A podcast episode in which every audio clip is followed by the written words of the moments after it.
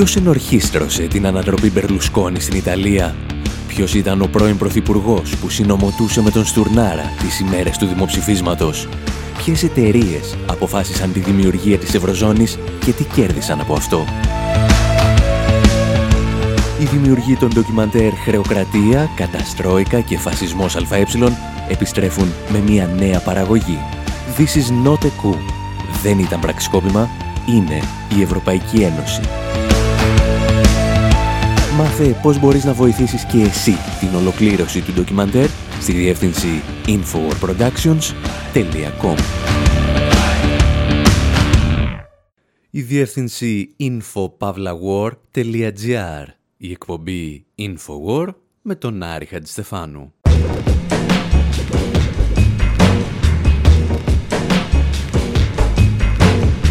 Όπου σήμερα σας ταξιδεύουμε μέχρι το Λονδίνο για να συναντήσουμε τον άνθρωπο που επινόησε τον όρο Lexit, δηλαδή την αριστερή έξοδο από την Ευρωπαϊκή Ένωση. Και ύστερα το μετάνιωσε. Παρακολουθούμε μαζί του την στάση της Βρετανικής αριστεράς απέναντι στην Ευρωπαϊκή Ένωση από τις αρχές της δεκαετίας του 70 μέχρι τις μέρες μας μας διηγείται ιστορίες για την μαμά του, τον Τόνι Μπεν και τη Μάργαρετ Θάτσερ και όχι υποχρεωτικά με αυτή τη σειρά. Και ύστερα αλλάζουμε θέμα όσο δεν φαντάζεστε. Διασήμαντον μάλλον αφορμή συζητάμε για τον Dirty Harry. Αναρωτιόμαστε μήπως η τηλεοπτική σειρά με τον Clint Eastwood ήταν η αντανάκλαση μιας αυτοκρατορίας σε κρίση και ζητάμε γι' αυτό τη γνώμη των Gorillaz και των Ramones. Στις 14 Ιουλίου του 2015, ενώ ο υπόλοιπος πλανήτης άκουγε για έξοδο μόνο σε τραγούδια του Bob Marley, η Ελλάδα έγλυφε ακόμη τις πληγές της από την διαπραγμάτευση με τους Ευρωπαίους εταίρους μας αυτό που κάποιοι χαρακτήρισαν μία όχι και τόσο φοβερή συμφωνία, ενώ κάποιοι άλλοι, όπως ο Τάρι Καλή, του περιέγραψαν με τις λέξεις «ανεφόρον παράδοση». Εκείνη την ημέρα, ο Owen Jones, ένα από τα νέα αστέρια της Βρετανικής δημοσιογραφίας και κυρίως της Βρετανικής αριστεράς, κάθισε μπροστά στην κάμερα του υπολογιστή του και κατέγραψε μερικές σκέψεις για την Ευρωπαϊκή Ένωση. Hey, welcome back. Hope you're well. Um, today what I want to talk about is the European Union. And this is a biggie. Should the left start arguing to get out the whole thing? Το ερώτημα που έθετε, όπως ακούσατε, ήταν αν η αριστερά πρέπει να αρχίσει να επιχειρηματολογεί υπέρ της εξόδου από την Ευρωπαϊκή Ένωση. Ο Owen Jones κατέγραψε τις σκέψεις του και σε ένα κείμενο στο Guardian, το οποίο έκανε το γύρο του διαδικτύου σε λίγα λεπτά. Η απάντηση που έδινε στο ερώτημά του ήταν ότι καθώς η Ευρωπαϊκή Ένωση αποτελεί ένα μηχανισμό επιβολής του πιο ακραίου νεοφιλελευθερισμού, κάθε αριστερός που σέβεται τον εαυτό του πρέπει να ζητά την άμεση αποχώρηση από αυτήν. Ο ίδιος μάλιστα επινόησε και έναν ειδικό όρο για την αριστερή έξοδο από την Ευρωπαϊκή Ένωση. Now, so my view was we've got in this country in the lexicon the idea well there was Grexit. Σε λεξικά αυτής της χώρας θα βρεις το Grexit, που σημαίνει την έξοδο της Ελλάδας από το ευρώ, και το Brexit, που είναι η αποχώρηση της Βρετανίας από την Ευρωπαϊκή Ένωση. Η δική μου ταπεινή συνεισφορά στο λεξικό είναι πως αν αριστερά στήριζε την έξοδο θα λεγόταν Lexit.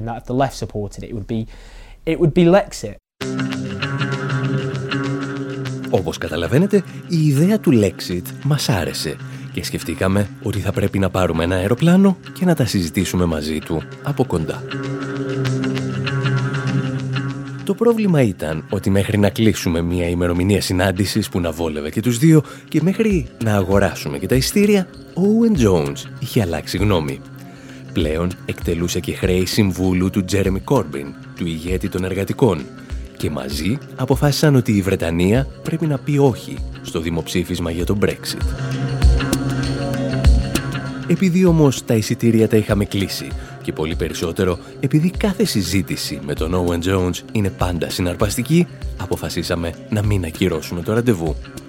Για την ακρίβεια, αποφασίσαμε τότε να τον συμπεριλάβουμε και στο νέο μας ντοκιμαντέρ, το This is not a coup, το οποίο πολλοί από εσάς έχετε στηρίξει οικονομικά και σας ευχαριστούμε πολύ γι' αυτό. Το τι τελικά συζητήσαμε με τον στενό συνεργάτη του Κόρμπιν θα σας το πούμε σε λιγάκι.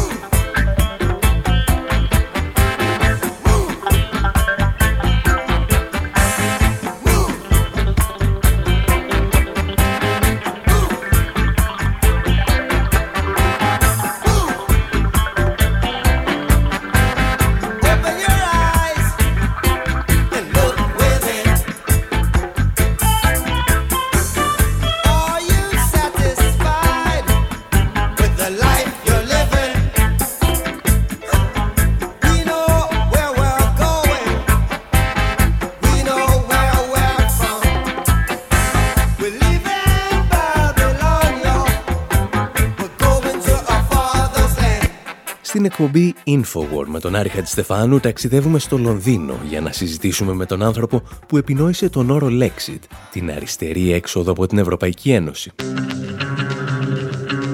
Η πρώτη μας ερώτηση ήταν πώς τα καταφέρατε εδώ στην Αγγλία και οι περισσότεροι ευρωσκεπτικιστές προέρχονται από τη δεξιά ή την άκρα δεξιά.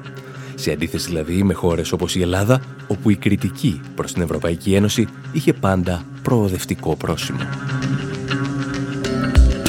Και αυτός αποφάσισε να ξεκινήσει την ιστορία μερικές δεκαετίες πιο πίσω. Well, in Britain actually, hostility to what we now know as the European Union was actually often not the preserve of the left, but Στη Βρετανία η εχθρική στάση απέναντι σε αυτό που σήμερα γνωρίζουμε σαν Ευρωπαϊκή Ένωση δεν ήταν ποτέ προνόμιο της αριστεράς. Παλαιότερα όμως η αριστερά είχε πολύ ισχυρό λόγο σε αυτό το θέμα. Άσκησε σκληρή κριτική στη συντηρητική κυβέρνηση η οποία έφερε τη Βρετανία στην ΕΟΚ τη δεκαετία του 70.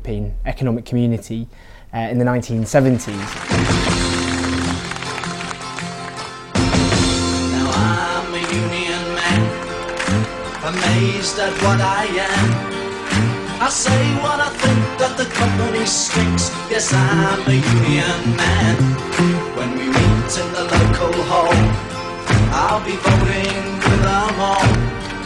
With a hell of a shout, it's out, brothers out, and the rise of the factories fall. Oh, you don't get me,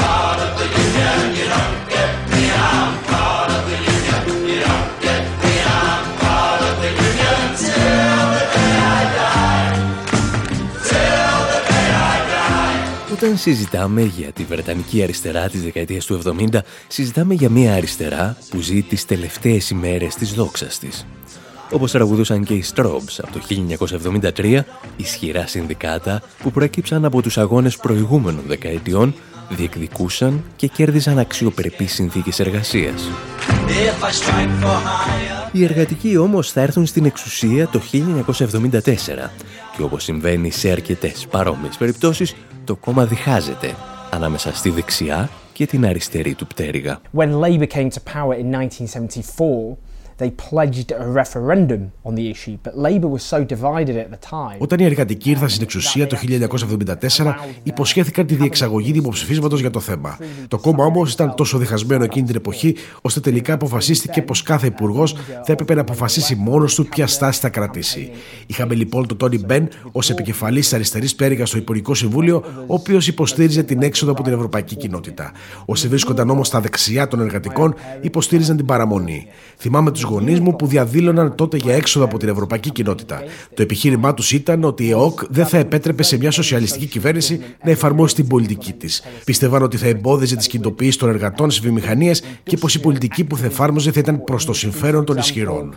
Uh, that the kind of economic policies it promoted were favorable uh, to the powerful. 87 socialism gave way to socializing. So put your hands up in the air once more. The north is rising. And I said, hey, lay your burden down. Since the last day of the miners' strike with the Magna Carta in this part of town.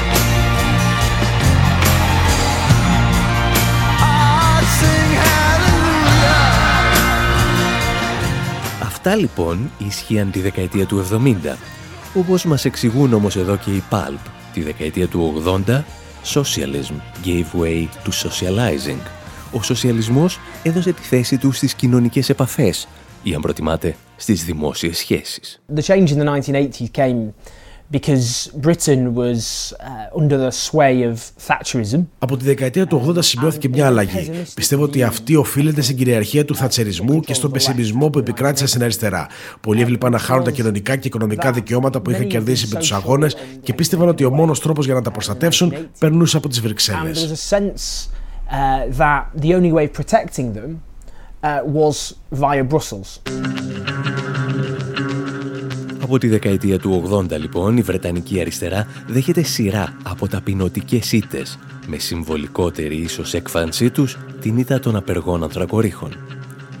Ανίκανη να αντιπροτείνει μια νέα αφήγηση που θα συγκινήσει τον κόσμο, αυτή η αριστερά αναζητά οποιαδήποτε σανίδα σωτηρίας. Μόνο που αντί να πιάσει κανένα σωσίβιο, γραπώνεται από την Άγκυρα. Την Άγκυρα της Ευρωπαϊκής Ένωσης. Αυτή όμως ήταν η πορεία της Βρετανικής αριστεράς που ξεκίνησε από τον ευρωσκεπτικισμό για να φτάσει ίσως στην Ευρωδουλία. Την ίδια στιγμή όμως ένα μεγάλο τμήμα της Βρετανικής δεξιάς ακολουθούσε την αντίθετη πορεία. Θα τα συζητήσουμε και αυτά με τον Owen Jones ύστερα από ένα ακόμη μικρό διάλειμμα.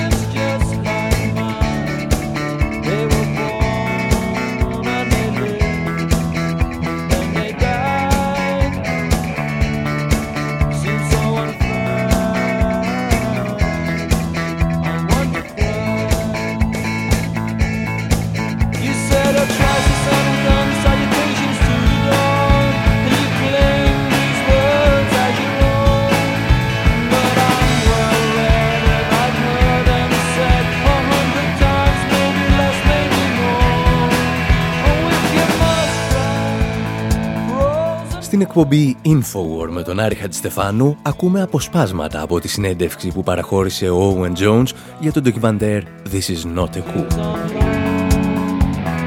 Είχαμε μείνει στο σημείο όπου η Βρετανική αριστερά, η τιμένη από τη Θάτσερ, θεωρεί ότι ακόμη και η Ευρωπαϊκή Ένωση είναι καλύτερη από ό,τι της έλαχε να την κυβερνά στο εσωτερικό. Αντιθέτως, μεγάλο τμήμα της Βρετανικής δεξιάς περνούσε από την ευρωλατρεία στον ευρωσκεπτικισμό. Margaret Thatcher um, initially was very supportive of the, uh, of the Uh, Αρχικά η Μάγκαρετ Θάτσερ υποστήριζε με θέρμη την είσοδο στο προκάτοχο σχήμα της Ευρωπαϊκής Ένωσης, όπως έκαναν και περισσότεροι συντηρητικοί εκείνη την εποχή. Ενώ όμως στήριξε την εκστρατεία εισόδου στη δεκαετία του 70, από τη δεκαετία του 80 άλλαξε άποψη. Λίγο αργότερα ήρθε και η αποκαθήλωσή της κυρίως λόγω του περίφημου Poll Tax. Πρόκειται για ένα φόρο που ανάγκαζε όλους τους πολίτες να πληρώνουν το ίδιο ανεξαρτήτως του εισοδήματός τους. Η κατάσταση αυτή και η αποχώρηση της Θάτσερ προκάλεσε σχίσμα στο εσωτερικό των συντηρητικών και οι οπαδοί της Θάτσερ άρχισαν να κινούνται προς τον ευρωσκεπτικισμό. Με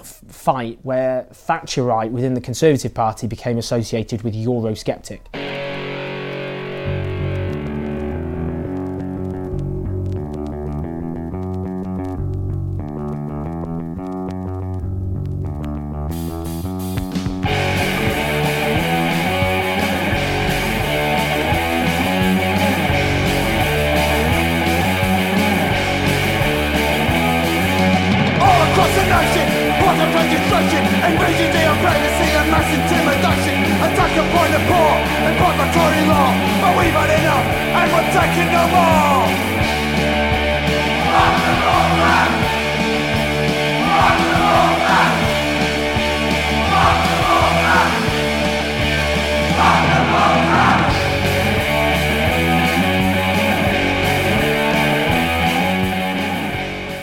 Fuck the Poll Tax, η βρετανική punk σκηνή εξηγούσε στο κοινό της τι έπρεπε να κάνει με το χαράτσι. Το χαράτσι, το οποίο δεν κατάφερε να περάσει η Μάργαρετ Θάτσερ, ανοίγοντας η ίδια την πόρτα της εξόδου από την Πρωθυπουργία. Ενώ λοιπόν η ιτημένη αριστερά της δεκαετίας του 80 στράφηκε προς την Ευρωπαϊκή Ένωση, η ιτημένη δεξιά της δεκαετίας του 90 απομακρύνθηκε από αυτήν, ή τουλάχιστον το θατσερικό κομμάτι της. Και αν αναρωτιέστε τι πίστευε η ίδια η Μάργαρετ Θάτσερ για την Ευρωπαϊκή Ένωση, η απάντηση είναι να μην σας νοιάζει, γιατί έπασχε από γεροντική άνοια. Margaret Thatcher, of course, in her later years suffered from dementia, so η ίδια η Θάτσα στα τελευταία της χρόνια έπασε από άνοια, οπότε δεν είμαστε σίγουροι για τις θέσεις της. Όλα τα στοιχεία όμως συνηγορούν ότι ήταν πολύ εχθρική προς την Ευρωπαϊκή Ένωση.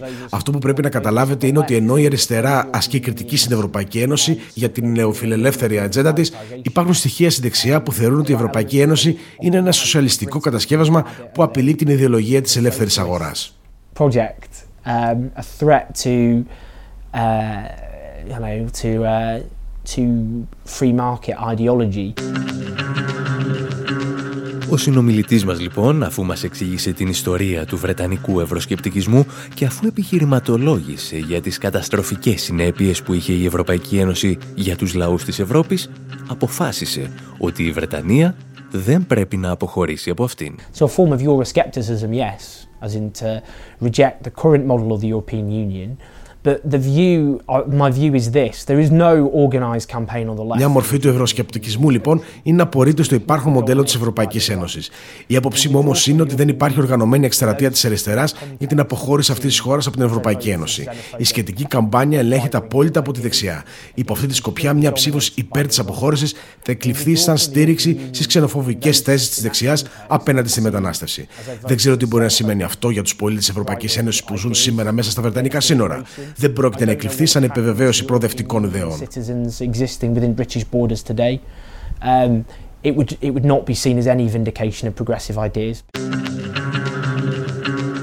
Το πρόβλημα λοιπόν του Owen Jones δεν είναι ότι η Βρετανία δεν πρέπει να φύγει από την Ευρωπαϊκή Ένωση ή ότι θα καταστραφεί αν το κάνει, αλλά ότι η Βρετανική αριστερά, υπημένη για άλλη μια φορά, άφησε το πεδίο της κριτικής στη δεξιά και την άκρα δεξιά.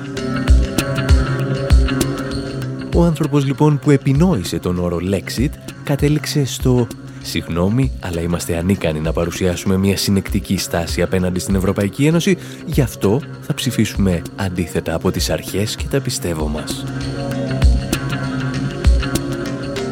Αυτό που ξεχνά να σημειώσει βέβαια ο συνομιλητής μας είναι ότι υπάρχει μια Βρετανική αριστερά που συσπυρώνεται αυτές τις μέρες και θα ψηφίσει υπέρ της αποχώρησης από την Ευρωπαϊκή Ένωση. Για αυτήν όμως θα μιλήσουμε σε επόμενη εκπομπή. Ίσως, μάλιστα, αυτή η άλλη αριστερά να ξεκαθαρίζει τα χωράφια του συνόλου της Βρετανικής αριστεράς. Ή όπως θα έλεγε ο Σεφέρης, τι είναι αριστερά, τι μη αριστερά και τι ήταν άμεσό τους. Προσέξτε όμως εδώ το πιο ενδιαφέρον κομμάτι της συζήτησης. Όταν ο Owens δεν σκέφτεται με τους μικροπολιτικούς όρους των εργατικών, προτείνει στην Ελλάδα να εγκαταλείψει η ίδια την Ευρωζώνη. My view is that Greece staying within the euro is, is, is a catastrophe and Πιστεύω ότι η παραμονή της Ελλάδας στην Ευρωζώνη ισοδυναμεί με καταστροφή. Η έξοδος θα είναι σίγουρα επώδυνη για το άμεσο μέλλον. Σε βάθος χρόνου όμως ή ακόμη και μεσοπρόθεσμα είναι διαφορετικά. Έχουμε ήδη συνειδητοποιήσει την ανάγκη στάσης πληρωμών για το χρέος. Είδαμε ότι χώρες όπως η Αργεντινή, όταν σταμάτησαν να πληρώνουν τα χρέη τους, κατάφεραν να οικοδομήσουν και πάλι την οικονομία τους. Αυτή τη στιγμή η Ελλάδα βρίσκεται στη φυλακή του ευρώ και πρέπει να διαφύγει. Πιστεύω ότι το ευρώ είναι ένα αντιδημοκρατικό δημιούργημα με καταστροφικές συνέπειες σε ολόκληρη την Ευρωζώνη ενίσχυση όμως στη Γερμανία, καθώς το γερμανικό μάρκο δημιουργούσε προβλήματα στις εξαγωγές. Αντίθετα, το ευρώ ενισχύει τις γερμανικές εξαγωγές, κάνοντας τα γερμανικά προϊόντα ανταγωνιστικά. Ενισχύει δηλαδή τις μεγάλες γερμανικές επιχειρήσεις. Um, so it's all rigged in favor of, of German, German big business, in my opinion. Κάποιοι θα υποστηρίξετε εδώ ότι από μακριά είναι εύκολο να δίνει συμβουλές και πως όταν έρχεται η ώρα της κρίσης στη χώρα σου, κάνεις και εσύ την πάπια. Εμείς πάλι, ως πνεύμα αντιλογίας, θα πούμε ότι από μακριά ενδέχεται να έχεις πολύ καλύτερη εικόνα της πραγματικότητας, γιατί δεν επηρεάζεσαι ούτε από τα παιχνίδια προπαγάνδας, ούτε από τις μικροπολιτικές τρικλοποδιές αλλά σε αυτά τα πράγματα ο καθένας μάλλον έχει την άποψή του. Εσείς πάλι μένετε εδώ, γιατί στο δεύτερο μέρος της εκπομπής τραγουδάμε για πράγματα άσχετα. για τον Χάρη τον Βρώμικο και τον Κλίντ τον Eastwood.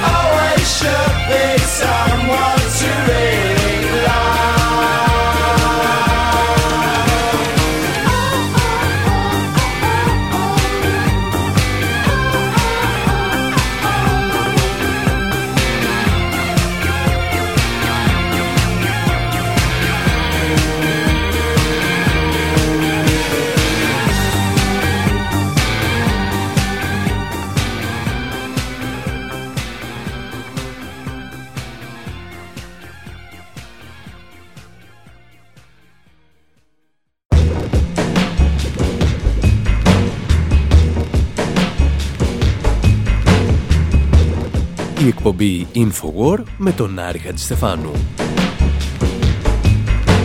Όπου σήμερα τραγουδάμε ιστορίες για τον Dirty Harry και τον Clint Eastwood. Ταξιδεύουμε στη σακατεμένη Αμερική του Βιετνάμ και του Watergate, την Αμερική που αναζητούσε εναγωνίως ένα δολοφόνο για να εναποθέσει τις ελπίδες της. Και όλα αυτά τα κάνουμε με τη βοήθεια των Gorillaz, των Ramones και πολλών πολλών άλλων.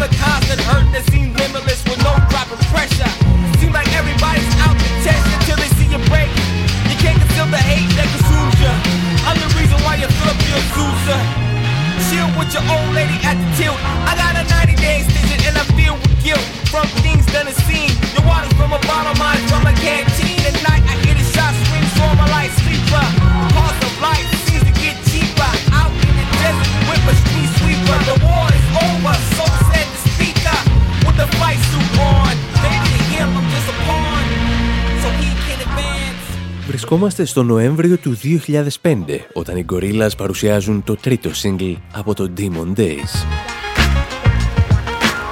Και εμείς θα μπορούσαμε να μιλάμε για ώρες για τα πολιτικά μηνύματα του συγκεκριμένου τραγουδιού. Για αναφορές στο Full Metal Jacket του Kubrick, στο διάγγελμα του George Bush, αλλά και στον τερματισμό του πολέμου στο Ιράκ.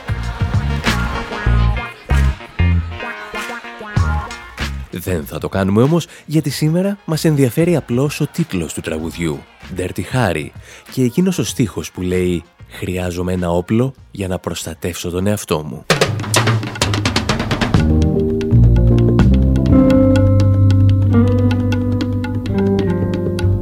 Ο Dirty Harry θα γεννηθεί το 1971 σαν ήρωας της τηλεοπτικής σειράς που σκηνοθετεί ο Don Siegel. Και η ιστορία του είναι ελαφρώς αληθινή ή τουλάχιστον πατάει σε μερικά αληθινά γεγονότα.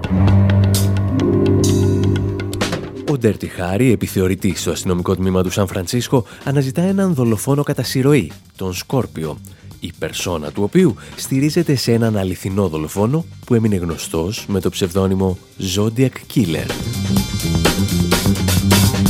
Για άλλη μια φορά όμως δεν μας ενδιαφέρουν οι περιπέτειες του Clint Eastwood, αλλά το πολιτικό, οικονομικό και κοινωνικό περιβάλλον στο οποίο διαδραματίζονται. Και αυτό ακριβώς το μονοπάτι αποφάσισε να ακολουθήσει και ο Patrick McGilgan στη νέα βιογραφία του Clint Eastwood, η οποία αποτέλεσε και έμπνευση της σημερινής εκπομπής. Και φυσικά, για όποιον αποφασίσει να ασχοληθεί με τον Dirty Harry, όλα ξεκινούν και τελειώνουν με μια συγκεκριμένη σκηνή.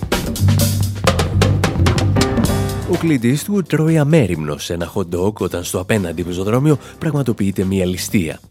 Βγαίνει με το εξάσφαιρο Magnum και αρχίζει να πυροβολεί ανάμεσα σε περαστικούς. Πυροβολεί τους δράστες που τυχαίνει να είναι και πάλι όλοι μαύροι. Αφού σκοτώσει τους τρεις, πλησιάζει τον τέταρτο που κοίταται αιμόφυρτο σε μια γωνία και του ψιθυρίσει δύο αμερικανικά φωνήεντα.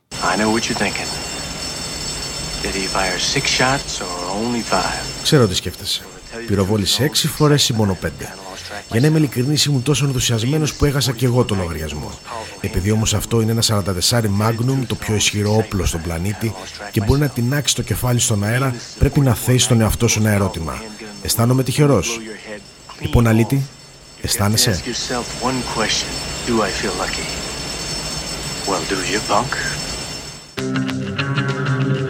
Η στοιχομηθεία τελειώνει με την εικονική εκτέλεση του ληστή, πρακτική που παρεπιπτόντως χρησιμοποιούνταν και από τους Ναζί στο Δεύτερο Παγκόσμιο Πόλεμο. Η σκηνή όμως του Feeling Lucky Punk είναι κάτι περισσότερο από μια καουμπόικη ιστορία γυρισμένη στις Ηνωμένες Πολιτείες της δεκαετίας του 70. Είναι η σύγκρουση της φιλελεύθερης Αμερικής με την αντιδραστική Αμερική όπου με τον όρο φιλελεύθερος αναφερόμαστε στους φίλους της ελευθερίας και όχι σε αυτούς που διαβάζουν εφημερίδες σαν την καθημερινή οι οποίες παρουσιάζουν τους Κινέζους με μαϊμούδες και τους πρόσφυγες με κατσαρίδες πάντα στο όνομα ενός ιδιότυπου με ευρωπαϊσμό. Για να επιστρέψουμε όμως στην ιστορία μας, όταν κυκλοφορεί το σύριαλ, η Αμερική δίνει ακόμη τη μάχη για την επιβολή της περίφημης προειδοποίησης Μιράντα. Οι αστυνομικοί από το 1966 και μετά πρέπει να διαβάζουν στους προσαχθέντες τα δικαιώματά τους. Τα δικαιώματα Μιράντα συμπεριλαμβάνονται στις κατακτήσεις της δεκαετίας του 60 ενάντια στην αστυνομική βαναυσότητα. Στις αρχές της δεκαετίας του 70 όμως η αντίδραση κάνει και πάλι την εμφάνισή της και ο Ντέρτι Χάρη εκπροσωπεί το όραμα του αστυνομικού πιστολέρο ο οποίος επιβάλλει την τάξη αδιαφορώντας για το Σύνταγμα και τους νόμους. Σε μια σκηνή λίγων δευτερολέπτων λοιπόν, ένας αστυνομικός παραβιάζει την προειδοποίηση Μιράντα, πυροβολεί ανάμεσα στο πλήθος και πραγματοποιεί μια εικονική εκτέλεση. Και πάντα οι δράστες είναι μαύροι. Μερικά χρόνια αργότερα ρώτησαν τον Clint Eastwood αν θεωρεί τον εαυτό του ρατσιστή για αυτή τη σκηνή και ο ίδιος απάντησε ως εξής. Ορισμένοι διαμαρτύρονται και με λένε ρατσιστή γιατί στην αρχή του σύριαλ πυροβολώ μαύρους ληστές τραπεζών. Κανένας δεν σχολίασε τότε ότι με αυτόν τον τρόπο έδωσα δουλειά σε τέσσερις μαύρους κομπάρσους.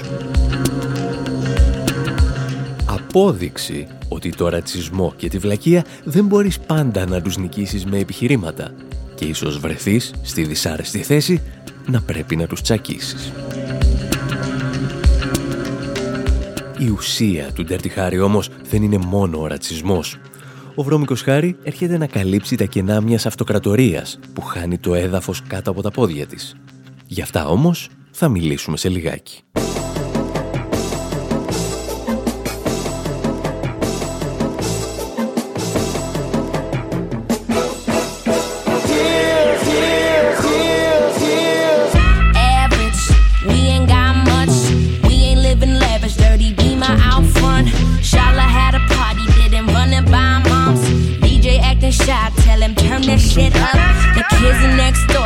sleep cause it bumps. So the police shut it down, but at least we had fun.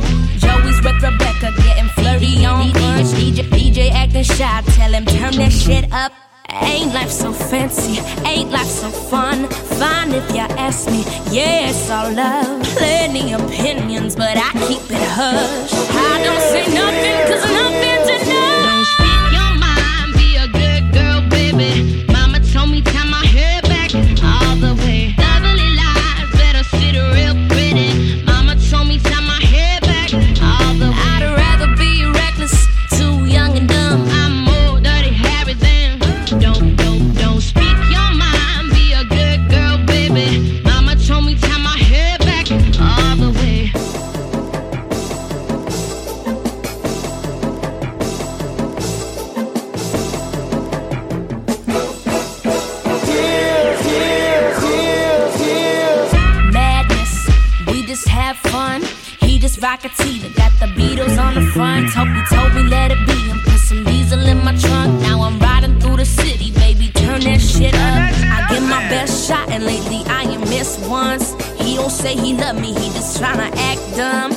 You make your bed, then you gotta sleep once.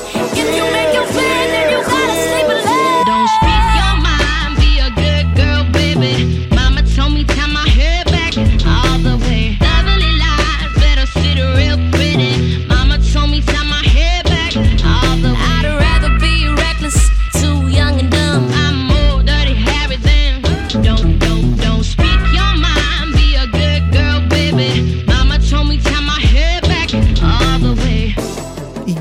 από την Αυστραλία τραγουδά για τον Dirty Harry, τον οποίο όμως παρουσιάζει σαν σύμβολο του αντικομφορμισμού. «Η μαμά μου λέει το τραγούδι να πιάνω πίσω τα μαλλιά μου, αλλά εγώ είμαι ο Dirty Harry». Και αυτό αποδεικνύει πόσο λίγα κατάλαβε το κοριτσάκι από τα μηνύματα του συγκεκριμένου ηθοποιού. Ο ήρωάς μας, όπως εξηγεί ο Πάτρικ Μακγκίλιγκαν στη νέα βιογραφία του Clint Eastwood, δεν είναι τυχαίο ότι εργάζεται σαν επιθεωρητής στο Σαν Φρανσίσκο. Γιατί εκεί, στις αρχές της δεκαετίας του 70, χτυπούσε η καρδιά της φιλελεύθερης Αμερικής. Τα δικαιώματα των γκέι αναγνωρίζονται πλέον από μεγάλο μέρος της κοινωνίας και ορισμένοι μαύροι, έστω και σαν εξαίρεση στον κανόνα των γκέτο, επιτυγχάνουν μια μικρή κοινωνική ανέλιξη. Ο Νταρτιχάρη όμως συχαίνεται όλες αυτές τις κατακτήσεις.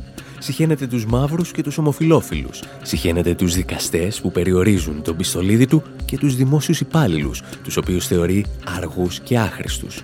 συχαίνεται όλες τις εκφάνσεις μιας κοινωνίας στην οποία δεν επικρατεί ο νόμος του ισχυρού. Και φυσικά συχαίνεται τις γυναίκες που διεκδικούν ίσα δικαιώματα στον εργασιακό χώρο. Then what the hell gives you the right to become an inspector when there's men have been out there on the street for 10 or 15 years? The woman's place is in the home. Is that what you're trying to say? What do you think this is? Some kind of encounter group? I want to know what Officer Moore is going to do when somebody points a gun at her and says, Hit the deck, you son of a bitch! Στην πραγματικότητα, ο Ντέρτι Χάρη δεν είναι αντικομφορμιστής, είναι ο τιμωρός του αντικομφορμισμού. Και οι Ραμόνς δεν θα του το συγχωρέσουν ποτέ. Ακούμε τη δική τους ανάλυση και επιστρέφουμε.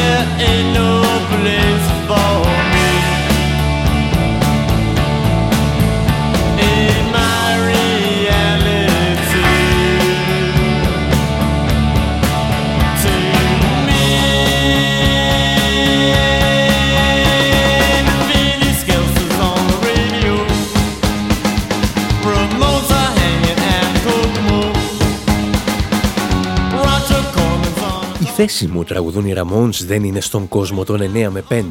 Δεν είναι επίσης στον κόσμο που βλέπει σειρές με τον Clint Eastwood και ταινίες με τον Jack Nicholson.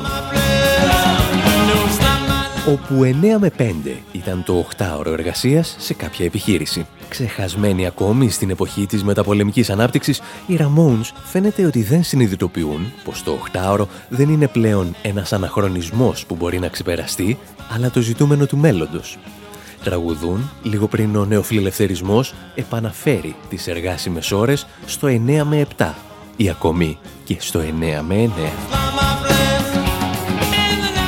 Και ο Clint Eastwood, τον οποίο τόσο συχαίνονται οι Ramones, είναι ένας προάγγελος των αλλαγών που έρχονται στην οικονομία αλλά και στην κοινωνία. Αρχικά όμως ο ίδιος πρέπει να εκφράσει την αποτυχία του παλαιού συστήματος. Όπως εξηγεί και πάλι ο Πάτρεκ Μακγκίλιγκαν στη νέα βιογραφία του Clint Eastwood που μας ενέπνευσε για αυτή την εκπομπή, η δεκαετία του 70 θα δείξει τα όρια της Αμερικανικής πολεμικής μηχανής στο Βιετνάμ. Στο βάθος υπάρχει επίσης η κατάρρευση της οικονομικής αρχιτεκτονικής του Δευτέρου Παγκοσμίου Πολέμου. Μετά την κατάργηση των συμφωνιών του Bretton Woods, το δολάριο δεν θα είναι πλέον αυτοκράτορας, αλλά ένας απλός βασιλιάς, και μάλιστα ένας βασιλιάς γυμνός.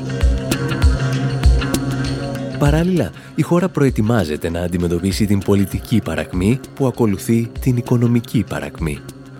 Το Watergate έρχεται να συμβολήσει τη σάπια καρδιά του Αμερικανικού συστήματος και ο ένικος του Λευκού Οίκου τον εγκαταλείπει ταπεινωμένος με δάκρυα στα μάτια. Για την ιστορία, με παρεμφερή τρόπο θα παραιτηθεί κάποια στιγμή και ο Ντέρτι Χάρη, πετώντας το σήμα του σε ένα ποτάμι. Therefore, I shall resign the presidency effective at noon tomorrow. Η παρέτηση Νίξον πάντως, ενός προέδρου τον οποίο ο Κλίντ Ιστκούτ υποστήριζε προσωπικά, σηματοδοτεί την μεγάλη αλλαγή σελίδας στη μεταπολεμική Αμερική. Η απάντηση του συστήματος σε αυτή την κατάσταση είναι παρεμφερής με αυτή του Ντέρτι Χάρη. Βγάζουμε το όπλο μας και πυροβολούμε τους πιο αδύναμους και όσους δεν χωράνε στις νέες νόρμες που δημιουργούμε. Κάπου εδώ όμως λέμε να σας αφήσουμε και για αυτή την εβδομάδα.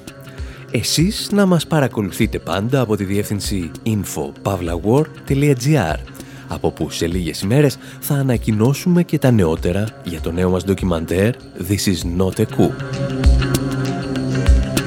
Πότε θα κυκλοφορήσει και πώς θα μπορέσετε να το παρακολουθήσετε.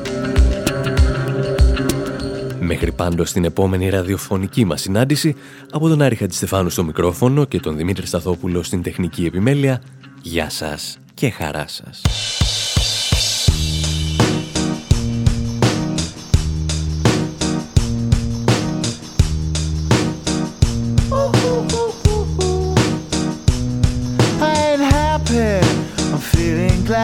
Got sunshine in a bag. I'm useless, but not for long. The future is coming on. I ain't happy. I'm feeling glad I got sunshine in a bag. I'm useless, but not for long. The future is coming on. It's coming on. It's coming on. It's coming on. It's coming on. Finally, someone let me out of my cage. Now, time for me is nothing cause I'm counting no A's. Nah, I couldn't be there. Nah, you shouldn't be scared. I'm good at repairs and I'm under each snare. Intangible. Bet you didn't think so I command you to. Panoramic view. Look, I'll make it all manageable. Pick and choose, sit and lose. All you different crews. Chicks and dudes who you think is really kicking tunes. Picture you getting down in a picture tube. Like you lit the fuse. You think it's fictional, mystical, maybe spiritual hero who appears in you to clear your view yeah. when you're too crazy. Lifeless to those, the definition for what life is. Priceless to you because I put you on the hype shit. You like it? Gun smoke, you're righteous with one toe. You're psychic among those possess you with one go. I'm feeling glad I got sunshine in a bag. I'm useless, not for long. The future is coming on. Ain't happy. I'm feeling glad I got sunshine in a bag. I'm useless, but not for long. The future is coming on. It's coming on. It's coming on. It's coming on. It's essence, the basics. Without it, you make it. Allow me to make this child like your nature. Rhythm, you have it or you don't. That's a fallacy. I'm in them. Every sprouting tree, every child of peace, every cloud and sea. You see with your eyes I see destruction and demise. Corruption in the skies from this fucking enterprise. Now I'm sucked into your lies through rust. So not as muscles, but percussion to provide for me as a guide.